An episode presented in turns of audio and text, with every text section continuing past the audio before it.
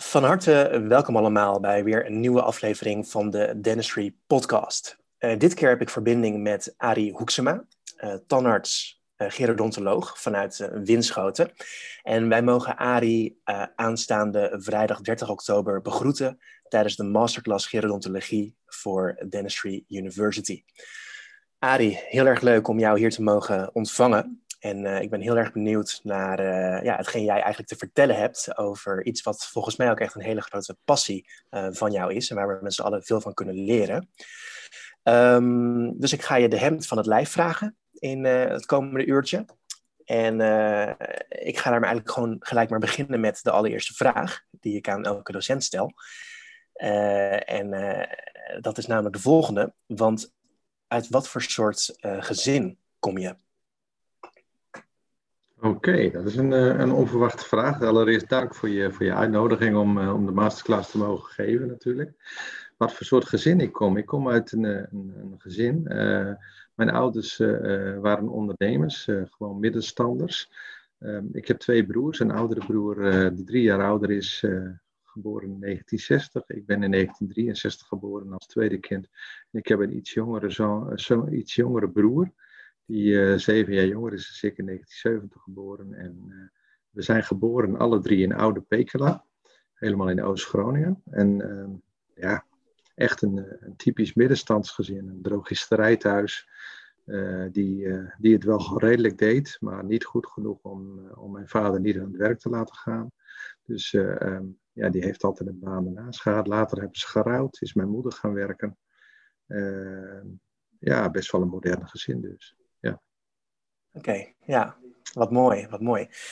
En um, toen jij nog klein was, wat wilde jij eigenlijk altijd uh, worden als je later groot zou zijn?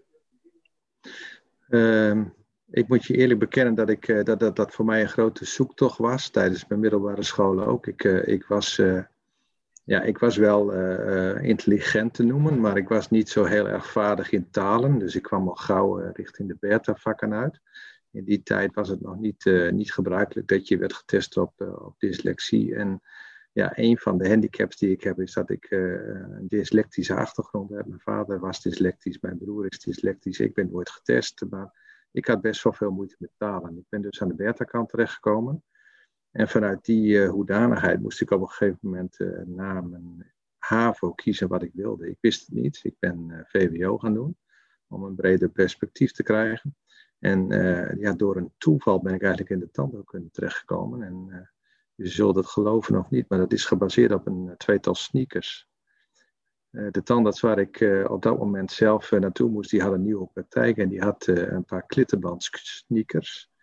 En daar ben ik verliefd op geworden. En het was een hele moderne praktijk. En ja, toen was het vak voor mij geboren eigenlijk. Mm. Oké. Wanneer was dat? Hoe oud was je toen? Ik was toen, uh, ik denk, uh, 16, 17 jaar. Oké, okay. oké. Okay. Dus um, je werd geboeid door de sneakers die de ja. tandarts uh, droeg. En ja. Um, nou ja, maar dan is het nog wel een stap voordat je ook beslist van nou, dan wil ik ook tandarts gaan worden met het hele vak eraan vast. Uh, waarom ben je uiteindelijk tandheelkunde gaan studeren? Ja, de, de, uiteindelijke keuze was uh, farmacie of uh, tandheelkunde, omdat medicijnen me te moeilijk leek. En uh, ja, ik ben ingeloofd voor tandheelkunde en, en dat vond ik dan eigenlijk best wel heel erg fijn. Maar ik had helemaal geen idee eigenlijk, anders dan dat ik het een heel boeiend vak vond. Enerzijds technisch bezig zijn, anderzijds mensen zelf mogen behandelen. Um, nou ja, die tandarts waar ik dan op, op, op nou ja, op aansloeg, die hadden een mooie moderne praktijk. Uh, het sprak mij aan. Het was een, uh, ja, het, het, het, beroep lokte mij, maar ik had geen kennis. Ik had helemaal geen, uh, geen, geen, goede, geen goed onderzoek gedaan. Ik ben er gewoon in terecht gekomen. Mm -hmm, ja. Wat zijn jouw broers gaan doen eigenlijk? Mijn oudste broer die heeft de HAO geprobeerd te doen. Die is daar niet in geslaagd. Die werkt nu als een soort praktijk, ja, een, een, een, ja, hoe noem je zoiets? Een, eh, een medewerker bij, bij Macro, maar dan een beetje productioneel.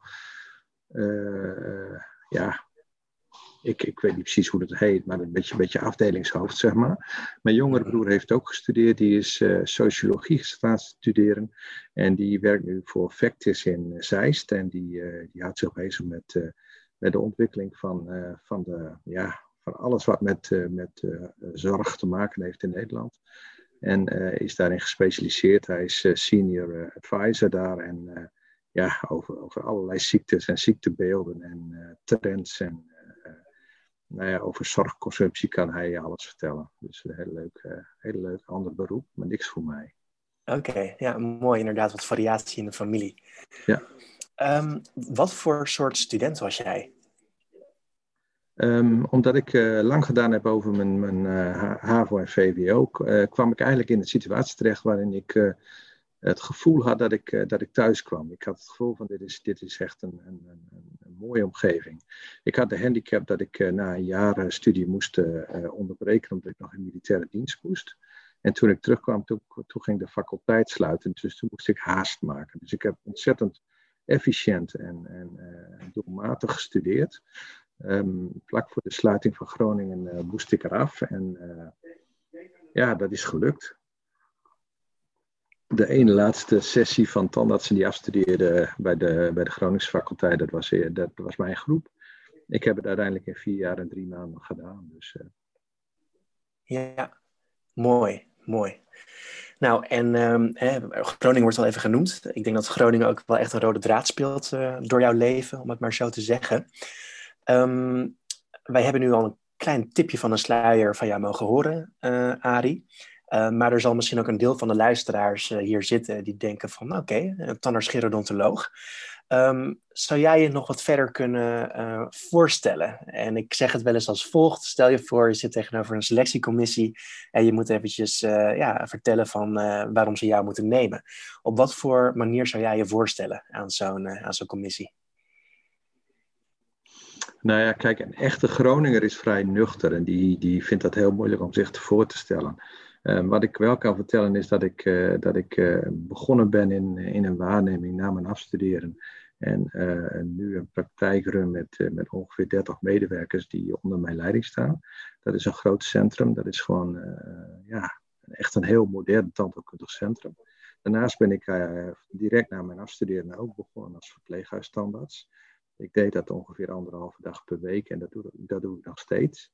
Um, ja, ik heb ontzettend veel uh, vakgebieden onderzocht. Ik, uh, ik heb geïmplanteerd, ik ben gestopt daarmee. Ik ben nog wel steeds een, een verwoed restauratief deskundige als het gaat om implantologie. Um, ik ben een, een slaapapneu-leverancier. Um, ik hou van uitdagingen, ik hou van, van, van verschillende vakgebieden. Maar de geriatrie is mijn liefde. Dat is gewoon, dat is gewoon echt ja, dat is echt de zachte kant van mijn, van mijn, uh, van mijn persoonlijkheid. En, en daar kan ik gewoon echt heel veel energie in kwijt. En ik krijg er ook heel veel energie van, omdat het gewoon iets is wat gewoon ja, echt wel bij mij past. Uh, de, die oudere mensen en, en de omstandigheden, hoe je daar gekomen bent, dat vind ik gewoon heel belangrijk om te weten en ook om te voelen ik denk dat het gewoon eh, voor iedere tandarts heel nuttig zou zijn om, om, die kant van je vak ook te ontwikkelen. Naast het feit dat je ook gewoon een harde manager moet zijn, dat ik ook functioneringsgesprekken moet houden. Dat ik ook af en toe iemand moet laten gaan die wat minder geschikt is voor mijn organisatie. Ja, dat, dat hoort er ook bij en dat heb ik ook. Maar het gaat er wel om dat je een balans zoekt in die verschillende omstandigheden. Mhm. Is dat een beetje wat je bedoelt? Nou, dat is denk ik al een mooie uh, eerste indruk, inderdaad. Um, hoe ben jij in contact gekomen uiteindelijk met jouw uh, ja, grote liefde, de, de geriatrie? Nou, dat heeft iemand anders voor mij geregeld. Ik uh, ging waarnemen bij een collega. En die had twee dagen in de week werk voor mij. Met één voorwaarde, ik moest ook naar het verpleeghuis, want daar had hij zelf geen zin in. Nou.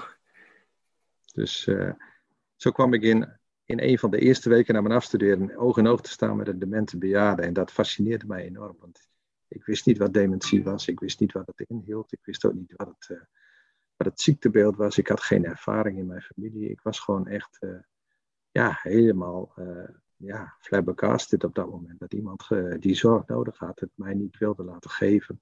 Zelfs spuugde, sloeg, ja, afweerde. was voor mij heel vreemd. Heel vreemd. En ja, dat heeft me gefascineerd tot op de dag van vandaag. Dat dat, uh, dat, dat gewoon er ook is. Ja. Even kijken, snelle rekensom. Maar hoe lang zit jij nu inmiddels al in uh, de geriatrie? Ehm, dat was in 1991, dus dat is 28 jaar, 29 jaar. Ja. ja. Uh, dat is op zich wel leuk, want ik moet nu gelijk denken ook aan de kindertandheelkunde. Omdat natuurlijk veel uh, studenten die komen daar sowieso mee in aanraking. In ieder geval bij ons in Amsterdam. Um, en in die zin um, zou het eigenlijk ook niet bij jou hebben gekund dat jij zomaar kindertandarts zou zijn geworden dan? Of, uh, of moet je daar juist helemaal niets van hebben?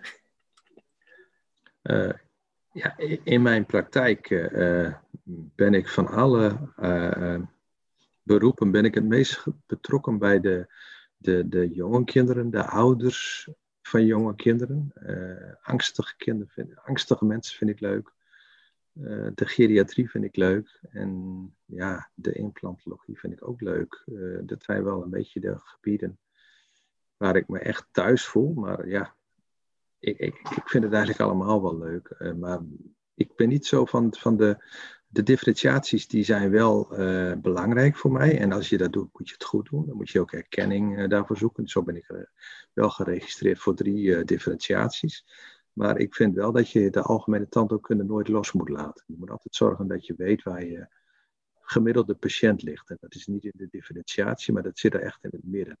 En daar horen kinderen zeker bij. En als je een kind goed weet te behandelen, dan kan je angst behandelen. En als je angst kunt behandelen, dan kun je ook geriatrie behandelen. Mhm. Wat is eigenlijk moeilijker? Hè? Want ik hoor wel eens uh, tandartsen zeggen van als je een kind kan behandelen, dan kan je iedereen behandelen. Uh, maar wat is eigenlijk moeilijker, een kind of een oudere, om, uh, om die te behandelen? Um, ik denk dat het een. een um...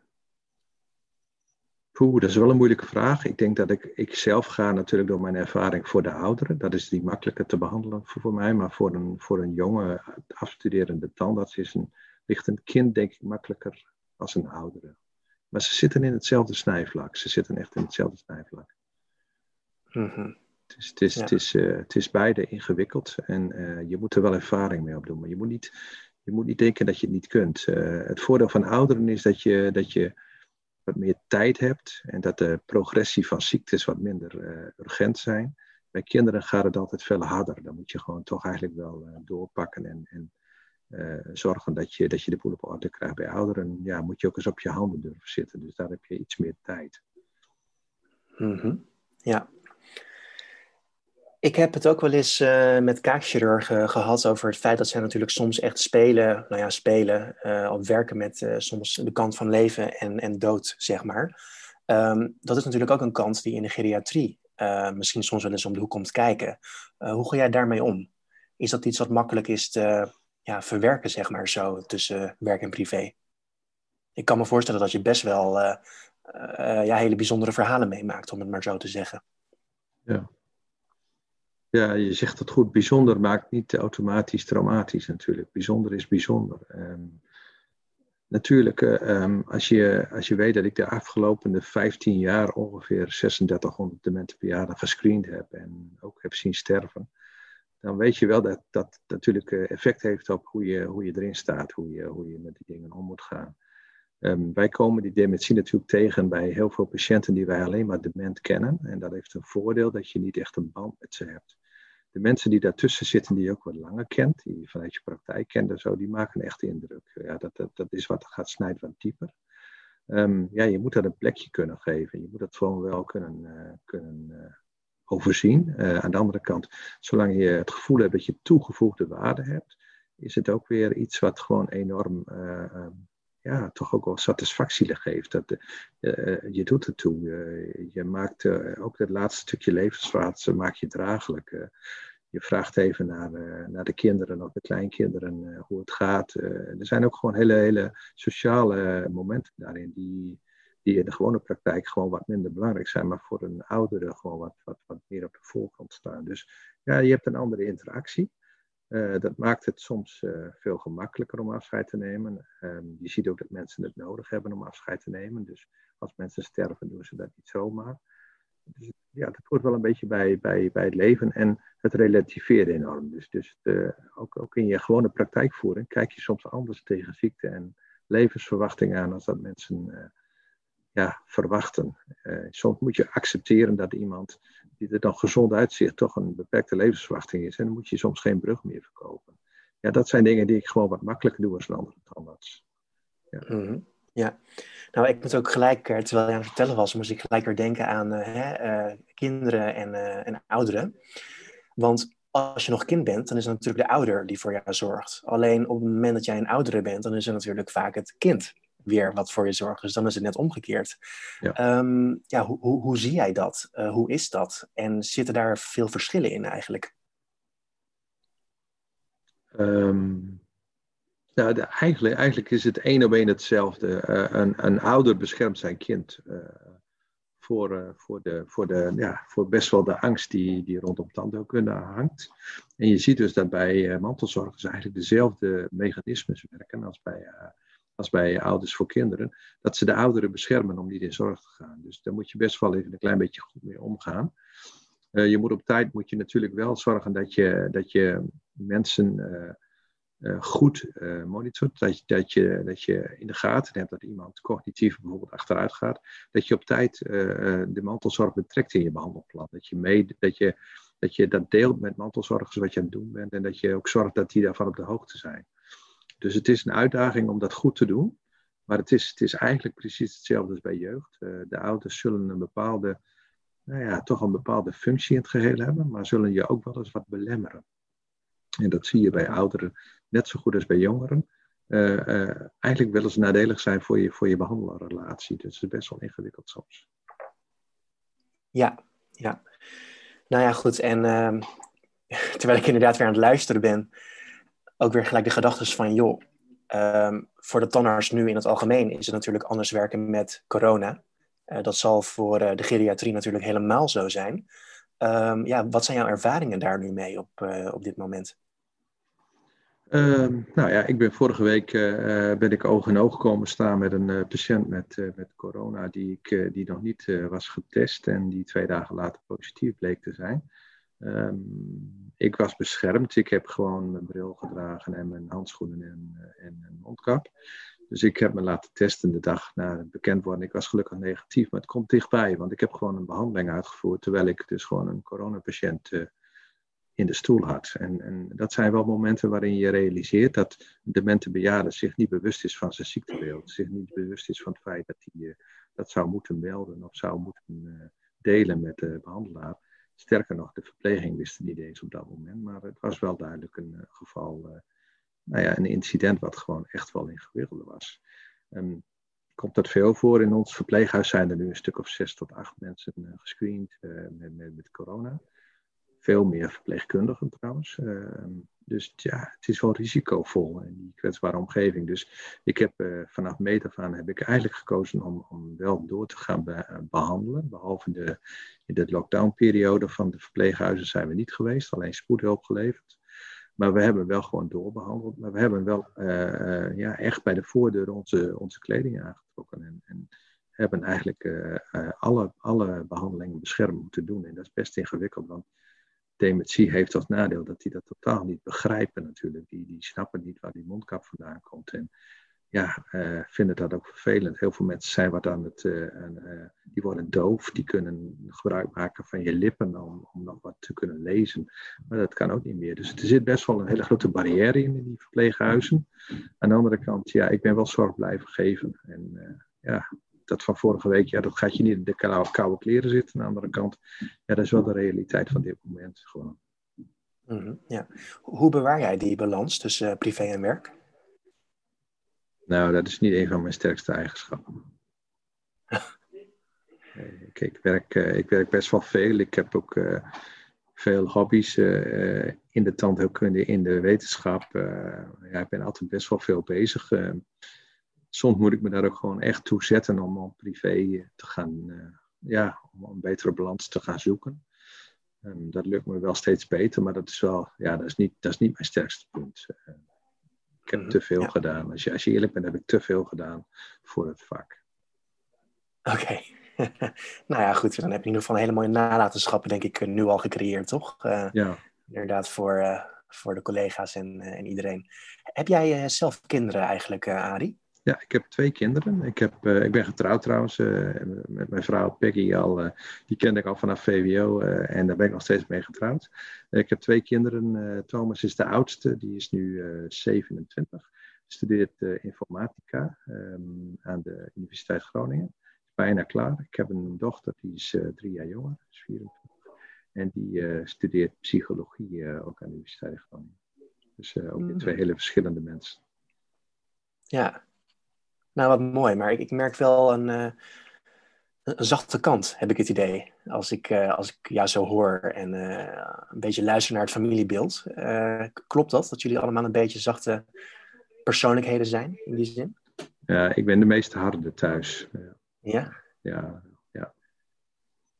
Ik heb wel gewerkt aan mijn zachte kant, maar dat is wel een beetje aangeleerd, zeg maar. Dat is, eh, maar de, in de geriatrie heb ik dat wel hoor. Dus, eh, dus in mijn vak kan ik wel eh, benoemen wat zacht en hard is. Maar ik kan ook echt wel knoeterhard zijn hoor. Dus wat dat betreft denk ik dat ik, dat ik goed weet. ja, dat weet ik wel te doseren in feite. Ja. ja. Wat is um, eigenlijk het moeilijkste aan de geriatrie? Wat is zeg maar de belangrijkste eigenschap die je nodig hebt als uh, tandarts-gerodontoloog? Uh, niks durven doen. Gewoon wachten totdat, uh, tot, totdat duidelijk is wat je moet doen. Uh, niet direct denken dat je, dat je overzicht hebt. Uh, goed kunnen luisteren. ook goed kunnen communiceren met andere partijen. je hebt in de geriatrie heb je gewoon veel meer spelers in het, in het behandelconcept. Als in de tandheelkunde, dan heb je vaak met jezelf te maken en met de patiënt.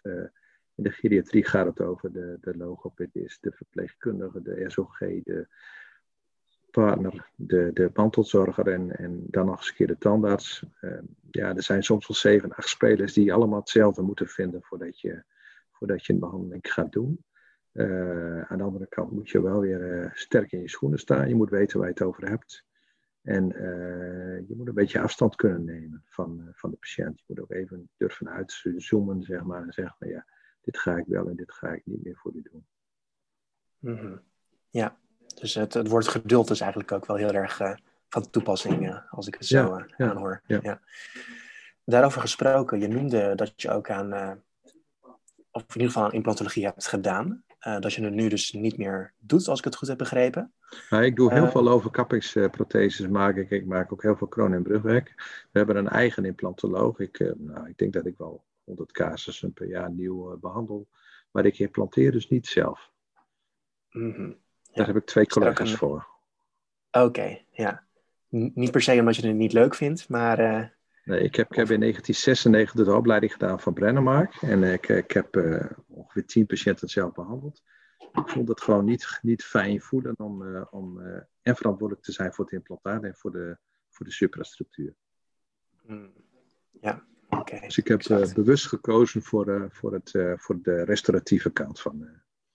Ja, ja om nog even terug te gaan naar uh, je studietijd. Je hebt dus in Groningen gestudeerd. Uh, je was vrij efficiënt, gaf je al aan.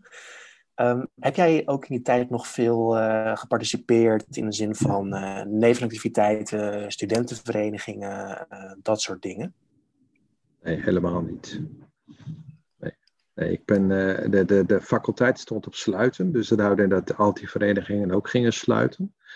Um, ik had niet de tijd om, om veel erbij te doen. Ik, ik heb mij echt op, de, op, de, op, de, op het curriculum gefocust, zeg maar. En ik heb uh, daarnaast altijd gewerkt om in mijn levensonderhoud te voorzien. Dus ik heb uh, ongeveer 20 uur per week in de broodfabriek gewerkt.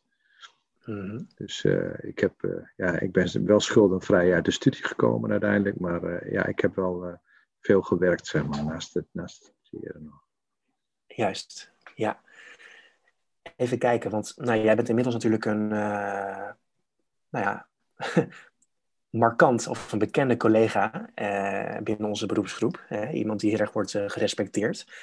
Waren in die zin de voortekenen al vroeg zichtbaar dat jij het later toch zou schoppen tot iemand ja, die toch wel een autoriteit is eigenlijk binnen, binnen de tandheelkunde? nou ja, nee. Ik, ik, ik, ik zou niet weten wanneer ik dat, zou, wanneer ik dat bedacht zou hebben. Nee, nee. Dat, is, dat is zo gegroeid. Dat is een beetje. ja, dat is natuurlijk voortgekomen uit het feit dat ik ehm, in het UMCG altijd ben blijven komen. Ik ging altijd veel naar nascholing. Ik heb, veel, ik heb al die, die nascholingscursussen ook altijd UMCG gedaan. Daar was ik wel bekend. Men wist dat ik een grote praktijk had. Ik heb altijd studenten begeleid. Ik heb altijd mensen over de vloer gehad. Op een gegeven moment had ik een collega, dat was mevrouw Anita Visser, die, die is bij mij gaan werken in de geriatrie. Die is nu hoogleraar gerodontologie. Nou, toen zij bij mij kwam, was ze pas afgestudeerd. Dus wij zijn één op één gaan optrekken. En wij hebben in die geriatrie hebben we gewoon ja, stappen gemaakt eigenlijk. En dan moet je, ja, dan begin ik zo'n beetje in de periode 2006, 2007, dat we dat wat zijn gaan professionaliseren. En in 2012 ben ik begonnen met mijn promotiestudie, eh, omdat we veel data hadden liggen van de verpleeghuizen en dat hebben we uitgewerkt. En in 2016 ben ik dan gepromoveerd. En daar is eigenlijk, uh, ja, daar is die markante persoonlijkheid eigenlijk geboren uh, rondom die promotie, zeg maar. Dus mm 2014, 15 ben ik veel gevraagd en op gaan treden in het land om dingen te vertellen die ik gezien heb en die ik beleefd heb. Ja.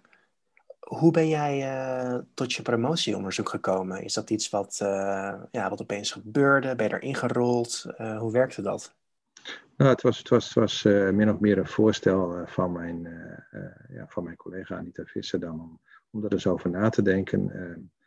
Um, ja, op dat moment was er een, afdelingshoofd die daar ook wel iets in zag en die, daar hebben we over gesproken. Hij zegt van, nou, weet je wat, je gaat maar eens wat, wat artikelen samen met Arjan Vissink sonderen. En dan gaan we kijken of er erin zit. En dan krijg je van mij een plek. En, en zo is het eigenlijk gegaan kregen we een vrij snelle studiebeurs van de NTWT. Uh, eh, dat was een beurs voor twee jaar van 100.000 euro in die tijd. En, en daarvan konden we dan de, de logistiek optuigen van het promotieonderzoek. En ja, eigenlijk is het vanuit niets geboren. Uh, het is gewoon ontstaan uh, omdat wij daar in die verpleeghuizen rondliepen en een probleem sondeerden, wat, wat gewoon echt ja, nog niet zo bekend was. En, ja, dat, dat is eigenlijk de basis van het promotieonderzoek. Mm ja. Is dat iets waar jij veel plezier aan beleeft, aan de wetenschap? Ja, absoluut. Ja. Ik vind het heel erg belangrijk voor mezelf om, om uh, zaken in een, in een wetenschappelijk perspectief te durven zien. Om, om uit te zoomen en te kijken van wat is nu, ja, wat is nu eigenlijk de werkelijkheid en wat is, wat is, wat is de illusie van een, van een, van een probleem. Um, en dan ook soms dingen durven benoemen die wat, die wat op het randje zijn. En dan proberen om, om wetenschappelijk te kijken of daar uh, waarde in zit. Of dat het, dat het gewoon onzin is. En, en vaak kom je tot de conclusie dat heel veel dingen met elkaar samenhangen. Aan de andere kant, ik heb ontzettend veel geleerd van die promotiestudie over kwetsbaarheid, over, over, over, over hoe mensen zich ontwikkelen, hoe oud je wordt, wat je levensverwachting is. Uh, dat had ik anders niet gedaan als ik niet die wetenschappelijke neiging had gehad om het te willen doorgronden. Dus ik, ja, ik heb wel heel veel baat gehad bij de wetenschappelijke benadering van, van de geriatrie. Ja. Mm ja. Nou, het blijkt dus dat je, hè, je doet onderzoek, je behandelt, je doseert. Wat vind jij het leukst om te doen? Ik vind eigenlijk het, uh, op dit moment vind ik het leukst om, jonge mensen uh, um, duidelijk te maken dat geriatrie niet eng is, dat het een vak is wat gewoon erbij hoort, dat het ook geen specialisatie is, dat het gewoon bij je vak hoort en dat je het moet gaan leren, net als dat je kindertanden kunnen leren, dat gewoon de geriatrie een onderdeel is van je gewone praktijkvoering. Maar ik, ja, ik vind het enorm leuk om, om, om mensen uh, daarin te begeleiden en te coachen en, en uh, met name uh, ja, te zien groeien ook, dat ze durven doen, dat vind ik leuk. Ben jij ook betrokken bij het onderwijs op de Rijksuniversiteit Groningen? Ja, ik, ik ben wel enigszins betrokken, maar niet heel intensief. Want uh, het is niet zo'n grote vakgroep die daar rondloopt.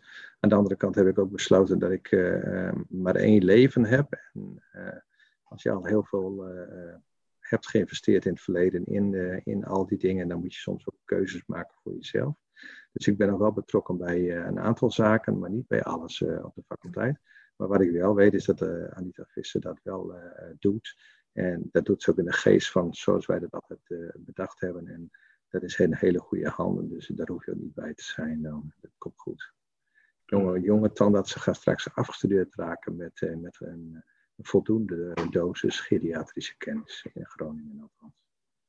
Mhm. En ik weet dat ze dat in Amsterdam ook aan het doen zijn en ik weet dat ze dit in Nijmegen ook gaan doen. Dus ik, uh, ik ben ervan overtuigd dat we de goede kant op gaan in dat vak. Ja, kijk eens aan. Ja. Um, nou, heel even een vraag die ik ook wel leuk vind. Hè? Als je kijkt naar je leven en naar de verschillende periodes in je leven, uh, onder meer je studententijd. Je gaf aan van, nou, ik heb ook wel altijd hard uh, gewerkt en ik moest ook voor mezelf zorgen. Um, maar sommigen die zeggen de studententijd, dat is de mooiste tijd van je leven. Hoe kijk jij daarnaar? Uh, ja, nou, dat, ik, ik, denk wel dat ik gewoon heel veel plezier heb gehad. Ik heb uh, in mijn studententijd natuurlijk wel enorm vrij gevoeld. En je voelt niet, niet de verplichting van om, om maatschappelijk te moeten presteren nog. Um, aan de andere kant, um, ik heb dan nog, nog steeds wel hoor, dat ik een vrije vechter ben. Dat ik gewoon uh, datgene doe wat ik graag wil doen. En dat ik nog steeds me niet gevangen voel in bepaalde strategieën of in bepaalde vormen van maatschappelijke ja, belemmering of zoiets. Als ik iets wil gaan doen, dan doe ik dat gewoon. En, en dan probeer ik in elk geval de, de, de, de bakens te verzetten in de richting waar ik wil.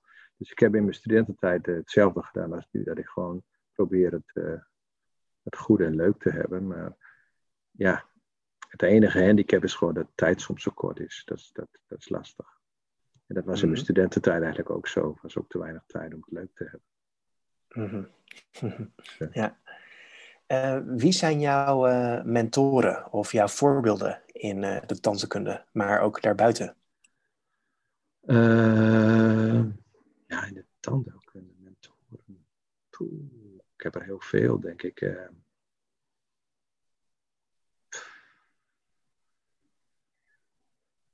Ja, ik ben, ben ook, ook, ook, wel een beetje arrogant. In bepaalde vakgebieden ben ik wel autodidactisch. Dus dan, dan ga je heel erg op jezelf kijken uh, wat je doet. Maar ja.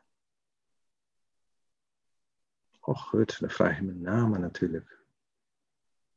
Ik heb heel erg opgekeken tegen uh, Rob Schaub, uh, Kees de Baat. Um, ik heb uh, veel ja, ik heb gestudeerd samen met Dionne Broers. Dat vind ik gewoon een, eh, een hele interessante persoonlijkheid. Um, ik heb gestudeerd met Kees Heiderijk, een goede implantoloog uit de MCL. En, in mijn tijd uh, waren er natuurlijk andere hoogleraren, zoals Hokwe daar, um, ja, Boering, onze, onze kaakchirurg richten was dat? Uh, ja, neem het. Er zijn zoveel mensen. Uh, het gros aan kaakchirurgen heb ik opgeleid zien worden in die mijn tijd. Dus, dus er zijn heel veel mensen waar ik respect voor heb. Jerry Raguba bijvoorbeeld. Dat is ook zo'n mentor. Die, die, kan je ook raken. Ja, mijn promotor Arjan Vissink is een enorme diehard natuurlijk. Als het gaat om, om speeksel en om kennis. Um, ja, zijn zoveel. Boudewijn Stegenga is er niet meer. Is ook een hele aardige, goede uh, wetenschapper geweest, waar ik gewoon veel van geleerd heb. Ja, er zijn, echt heel veel mensen die mij geïnspireerd hebben. En, en uh, nog hoor, ik kan ook, uh, ja, ik kan ook heel genieten van hele, hele jonge collega's die, die heel erg leuk doen. Jappe Buis bijvoorbeeld uit Groningen collega Roelof Horlings, uh, die zit allemaal aan het begin van zijn carrière, daar kan ik enorm van genieten. Dus, uh, ja, soms, soms hoef je niet te zoeken in, in, in de oude garde. Je moet juist om je heen kijken om, om bijzondere mensen te vinden. Dat is gewoon leuk. Hmm. Ja. ja, mooi gezegd, inderdaad. Nou, dat is wel leuk, want het valt me eigenlijk op dat er best wel heel veel Groningers ook specifiek uh, heel erg goed aan de weg timmeren. En jij hebt natuurlijk in Groningen gestudeerd, dus ik heb eigenlijk daar twee vragen over. Heb jij toen ook nog overwogen om bijvoorbeeld naar uh, Amsterdam, Nijmegen, Utrecht uh, te gaan in plaats van Groningen? En ten tweede, hè, namen als een Jappe Buis, een Roelof Horlings, en Erik Jan Muts kennen we natuurlijk allemaal, die allemaal vrij bekend zijn en het echt wel goed doen. hoe komt dat dat Groningen zo, het zo goed doet eigenlijk voor zo'n kleine, voor zo'n kleine plek?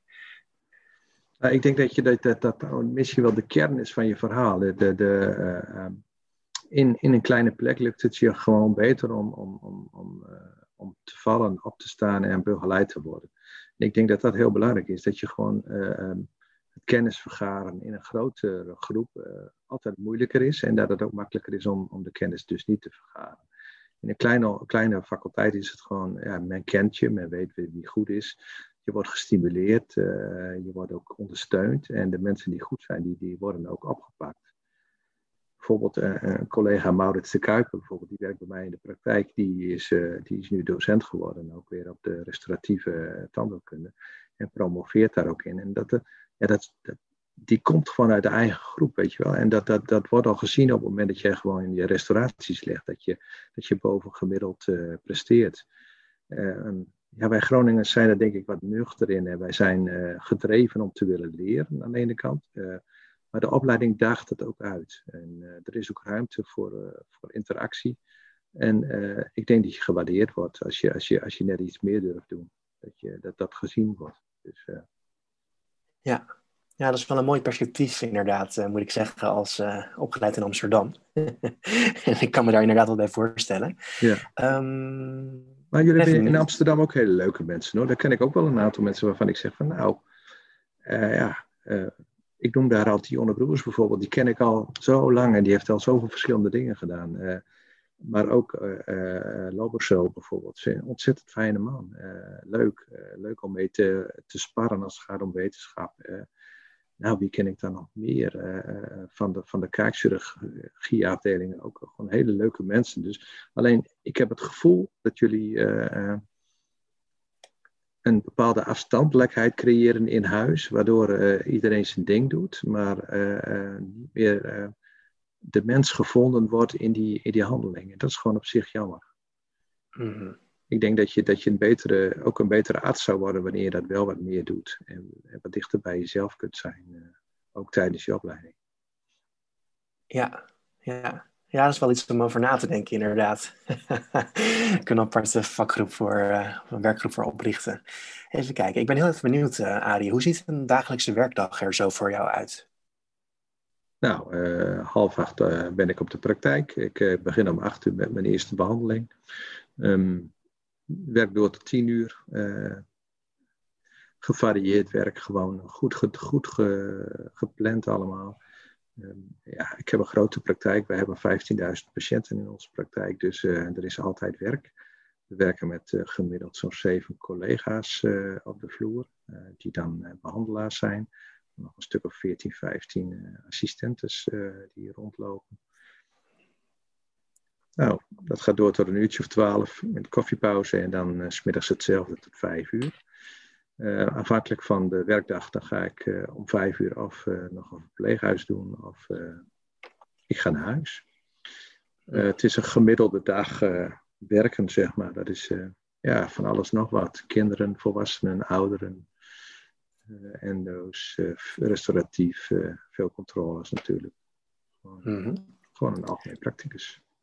Ja, en als je dan naar zo'n verpleeghuis gaat om vijf uur, tot hoe lang ben je dan bezig?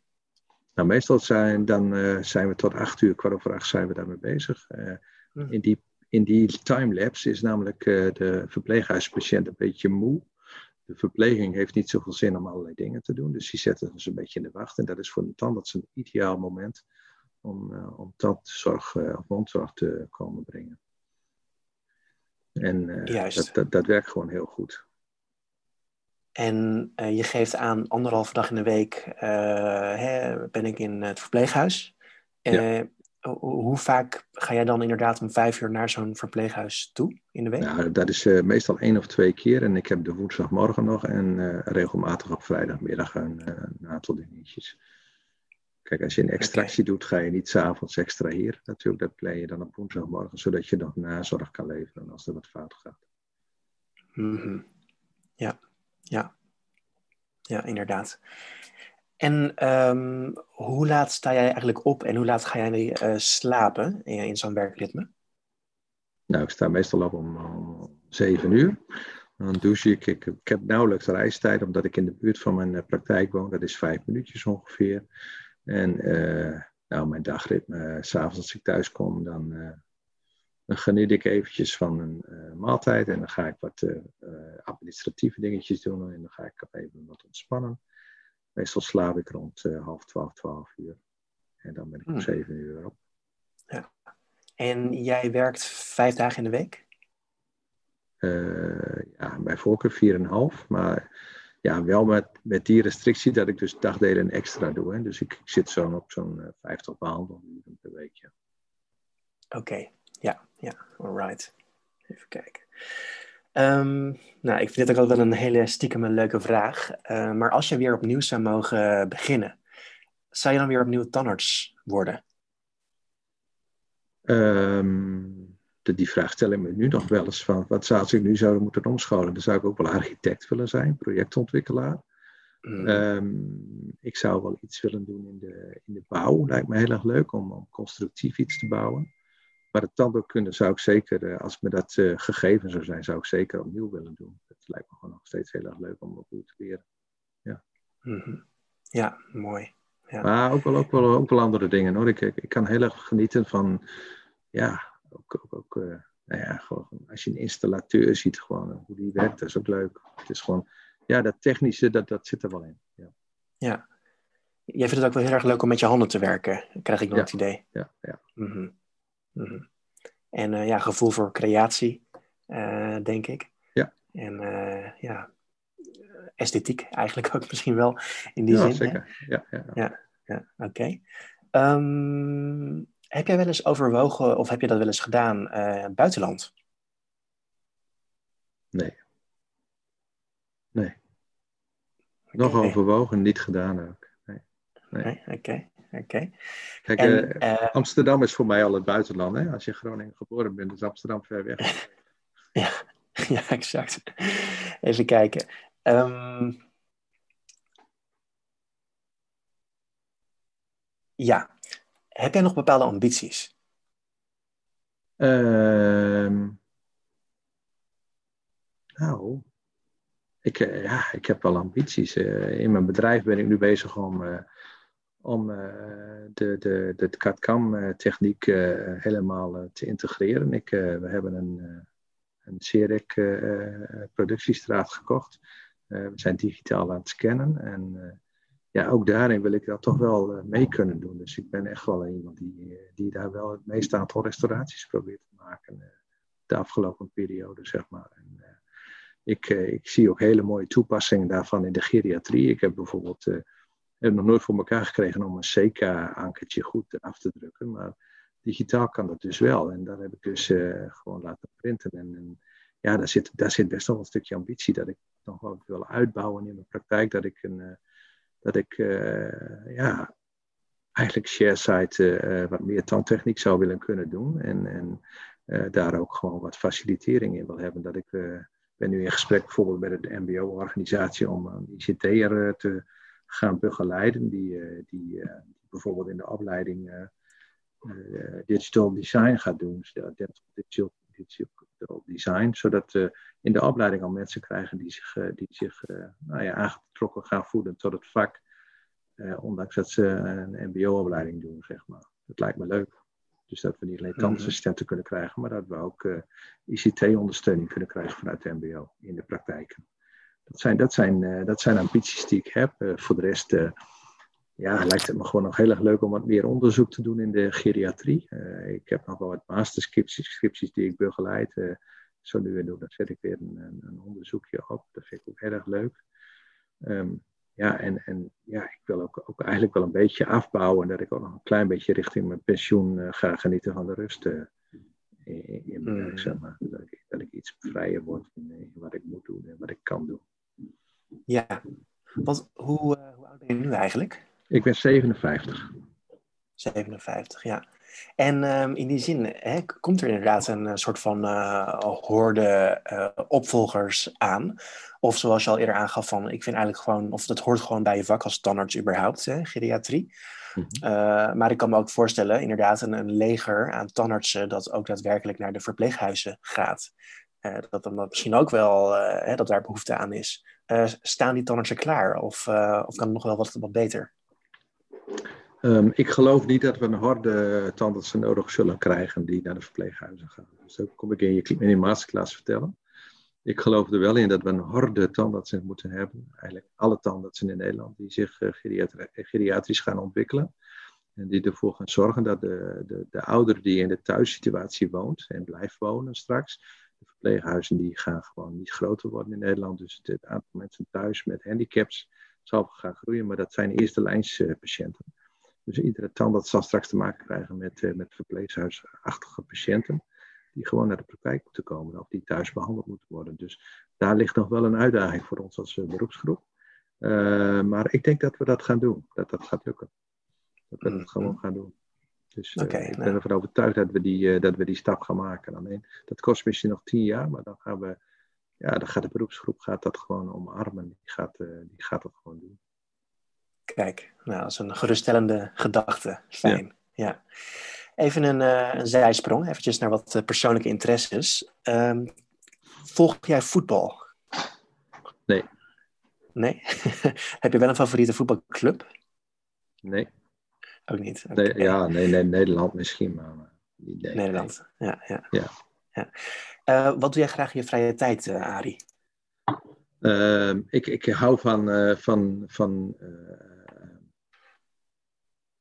ontspanning. Gewoon in de zin van dat ik gewoon even niks hoef te doen. Gewoon, bij voorkeur kijk ik naar een mooie film. Of ik volg een, een, een, serie op Netflix. Dat vind ik fijn. Ehm, verder heb ik een grote tuin die ik althans qua gras probeer te onderhouden. Uh, dus grasmaaien doe ik veel. Ehm, ik, uh, ik vind het leuk om plannen te bedenken, zowel voor mijn huis als voor mijn, uh, voor mijn praktijk, waar ik dan achteraan ga, waar ik wat dingen ga bezoeken. Ik vind het fijn om naar een, naar een mooie expositie te gaan die ergens in het land loopt, waar ik gewoon zin in heb. Het kan variëren tot, tot, tot, tot echt 1600, 16e eeuwse kunst als ook eh, moderne kunst. Maar wel met een bepaald profiel en met een bepaalde kenmerk en met een bepaalde kwaliteit. Dus, en dat ga ik ook wel eens in het buitenland doen af en toe. Dus dat vind ik wel leuk. Um, ja, muziek is, een, is wel iets wat ik gewoon graag doe. Muziek luisteren. En daar ben ik ook weer heel breed in ontwikkeld. Um, nou ja, dat is soms een beetje. Verder werk ik natuurlijk best wel veel. Dus. Uh... Mm-hmm. Ja, en als we dan eventjes uh, wat verder de diepte ingaan wat betreft inderdaad, je noemt uh, mooie films, Netflix, muziek, heel breed. ja, wat voor films en wat voor series en wat voor muziek kijk en luister jij? Um, films. Ehm, ja, dat kan, dat kan heel breed zijn. Uh, The Two Popes heb ik recent gezien, vond ik een meesterlijke film. Ehm, maar ik vind ook, ook, ook, ook traditionele films die, uh, nou, die wat langer geleden zijn, vind ik mooi om te zien. Ehm, ik heb de, ja, daar zit wel een beetje mijn zachte kant, denk ik. Ik vind het films met emotie en met een bepaalde waarheidsvinding vind ik mooi. Dus dat, als er ook iets echts is gefilmd, als je kijkt naar series, ja, de Zweedse krimis doen het heel goed. Uh, waar, waar toch wel wat ingewikkelde uh, zaken in zitten qua, qua uh, daderprofielen en zo. Een beetje, een beetje ingewikkeld. Ja, dat vind ik wel leuk. het hoeft niet kort te duren, het mag best wel lang duren. Ehm, muziek, ja, dat is heel breed. Led Zeppelin, Deep Purple, Pink Floyd. Um, um, Simon en Garfunkel. Um, maar ook Adele. Um, um, die, uh, ja, verschillende DJ's vind ik mooi. ja, ook wel Nederlandse artiesten. Heel breed, heel, heel verschillend. Mm -hmm. Ja, nou, leuk. Ja, ja. Altijd wat. Ja. Heb jij ook een uh, favoriete film eigenlijk? Nee. Niet? Nee. Okay. nee. Hou je verder van, uh, van lezen, van boeken? Nee, ik ben dyslectisch, hè? Oké. Okay. dat is echt een, ja, dat, dat, is een horror, dat is een horror voor mij. Uh, boek lezen is... Uh, is een uitdaging. Soms dan, dan begin ik eraan. Ik vind het wel heel erg belangrijk om, om uh, artikelen te lezen en conclusies te lezen.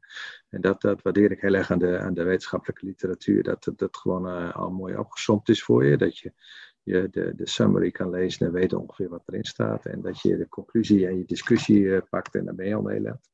Maar als je mij vraagt van wil je een, een boek van kaf tot kaf lezen, dat is lastig. Alhoewel het ja. soms wel heel erg interesseert hoor. bepaalde vakgebieden zoals psychologische achtergronden en zo zou ik echt veel van willen weten. Maar het is voor mij erg lastig om dat, eh, om dat te lezen soms. Dat is gewoon moeilijk. Mm, ja. Doe jij verder nog aan, aan sport? Ja, ik, uh, ik, ik, sport uh, niet heel veel, maar ik, ik heb gewoon de gemiddelde sportschool. Mm. Een beetje roeien, fietsen. En ja, de laatste tijd heb ik geprobeerd een beetje af te vallen, omdat de corona toch wel bij de obesen wat vaker voorkwam als bij, als bij de niet-obesen. Dus ik, heb, uh, ik ga weer naar een gezond gewicht terug. Gaat goed. Uh, maar ja, niet in groepsverband, maar gewoon wel, uh, wel zelf wat sport. Ja, kijk eens aan. Nou, hartstikke goed. Ja, wat kunnen we verwachten op 30 oktober? Wat, wat gaan we meemaken straks? Nou, wat, wat ik verwacht is in elk geval van jullie, is dat je je interesse meeneemt en dat je vragen meeneemt. En dat je, dat je, dat je mij komt uithoren over verschillende onderwerpen. Wat ik, wat ik, wat ik denk ik met jullie wil bespreken is in elk geval uh, het fenomeen kwetsbaarheid. Ik wil dat gaan belichten vanuit een ander perspectief als dat wij het doen in de tandheelkunde. Uh, ik wil laten zien dat de algemene gezondheid er eigenlijk niet zo heel erg toe doet bij oudere mensen, omdat het eigenlijk altijd uh, in de war is. ik wil met jullie bespreken dat polyfarmacie toch wel een van de grootste bedreigingen is van van deze tijd. Ik wil graag met jullie leren wat je, wat je kunt doen om levensverwachtingen in te schatten. En ik wil met jullie wel in gesprek over, nou, over, over, over je praktijkinrichting. Hoe, richt je nou een praktijk in die past bij ouderen? En, en ik wil ook, ook praten over de omzet. Wat is nu de omzet van een verpleeghuis? Wat is de omzet van een, van een gewone praktijk? Hoe verhoudt zich dat? Uh, hoeveel personeel heb je nodig voor ouderenzorg? Um, nou, ehm, ik, ik, ik, hoop dat jullie het goed vinden dat ik wat casuïstiek meeneem, ingewikkelde casussen waarvan ik zeg, ja, kom ik niet uit. En dat, dat jullie me gaan helpen uh, om dat op te lossen. En, en, als jullie het fijn vinden om zelf casussen mee te nemen, vind ik ook geweldig. Vind ik altijd heel erg leuk. Uh, neem een paar foto's mee, een paar PowerPoint uh, plaatjes van een patiënt en, vertel mij wat je, wat je dilemma is, welke ethische probleem je erbij hebt. En dan gaan we met z'n allen, gaan we, wat mij betreft, gaan we, gaan we kijken of we dat probleem kunnen oplossen. En ik heb niet de kennis in gebracht. Ik kan alleen maar met jullie meelopen en, en aangeven wat ik vind en wat ik zie. En, en, en, jullie adviseren om het zelf te doen. Op een manier zoals jou het goed lijkt. En dat is denk ik de belangrijkste boodschap die ik voor die dag heb. Dat je, dat je niet leert hoe ik het heb gedaan, maar dat je leert van hoe ga ik het doen dat je, dat je daar de keuzes durft maken. Ja, nou, nou interessant. Wat, mis je nog? Ik weet het niet. Ja, exact. Uh, ik ja. verheug me erop. Dat, dat wordt een mooie dag. Um, welke take-home messages mogen wij meenemen nu alvast van jou? Um, de belangrijkste is dat, dat, de ouderenzorg um, gewoon werk is. Dat dat gewoon echt werk wordt voor ons als standaardsen waar we aan moeten werken. Dat dat gewoon echt bij je vak hoort. Dat is eigenlijk de allerbelangrijkste boodschap die ik wil, eh, wil, wil, wil meegeven. Anderzijds uh, dat uh, ouderen de tijd hebben om behandeld te worden en dat het allemaal niet zo snel hoeft. Dat, het gewoon, uh, dat, dat, je erover na moet denken over wat, wat die patiënt nou nodig heeft. Dat vind ik heel belangrijk dat je dat, dat, je dat tot je neemt. En voor de rest dat je niet moet overdrijven bij ouderen. Dat het gewoon ook soms beter is om een behandeling niet meer te doen. Dat is denk ik mhm. wel zo'n beetje de kern van het verhaal. Wat, wat, wat, ik, eh, wat ik als, als, als geriatrische tandarts uh, zou willen overbrengen op mensen. Dat je ook met niks doen soms de goede behandeling in mm Ja, nou dat lijkt me inderdaad een hele wijze eh, boodschap. Ja. Um, laatste vraag van deze podcast.